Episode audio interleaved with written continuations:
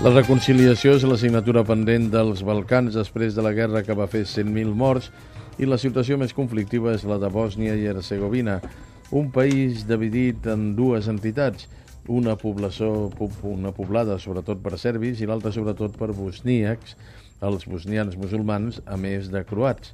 Avui a la capital, Sarajevo, s'hi ha fet una conferència sobre reconciliació i allà, i allà hi ha Maria Alba Gelabert. Bona nit.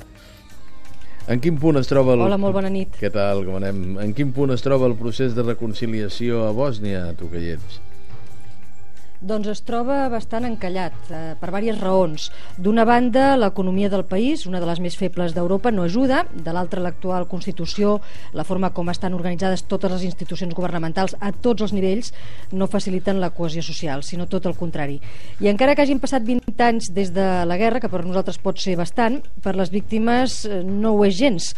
Eh, tot encara és molt tendre i molt recent. Ho reconeixia un dels participants en aquesta conferència sobre reconciliació, el president eh, croata de Bòsnia, Seliko Komsic.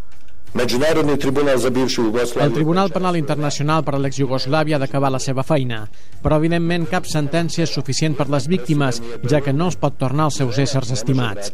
Per això els polítics han de jugar un paper essencial i el que poden fer és no posar sal a les ferides. Maria Alba, hi ha alguna diferència en com viuen el procés les noves generacions que van néixer després de la guerra?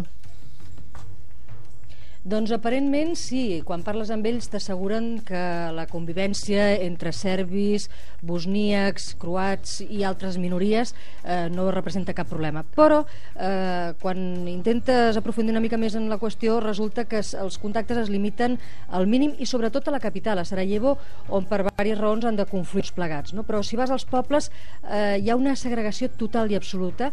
Hi ha pobles on únicament viuen musulmans, d'altres on només viuen serbis, d'altres on només viuen croats i fins i tot les escoles són independents les unes de les altres, fins al punt que inclús el material escolar, els llibres de text, de gramàtica, sobretot d'història, és clar, són totalment diferents amb continguts que no tenen res a veure. Mm -hmm. Si a més a més comences a preguntar tu et casaries amb una persona de l'ètnia diferent a la teva, la resposta sempre és mm, difícilment. Potser ha passat verd per allà. Moltes gràcies, Maria Alba. Projecte Explica Europa a Europa amb el suport de la Comissió Europea.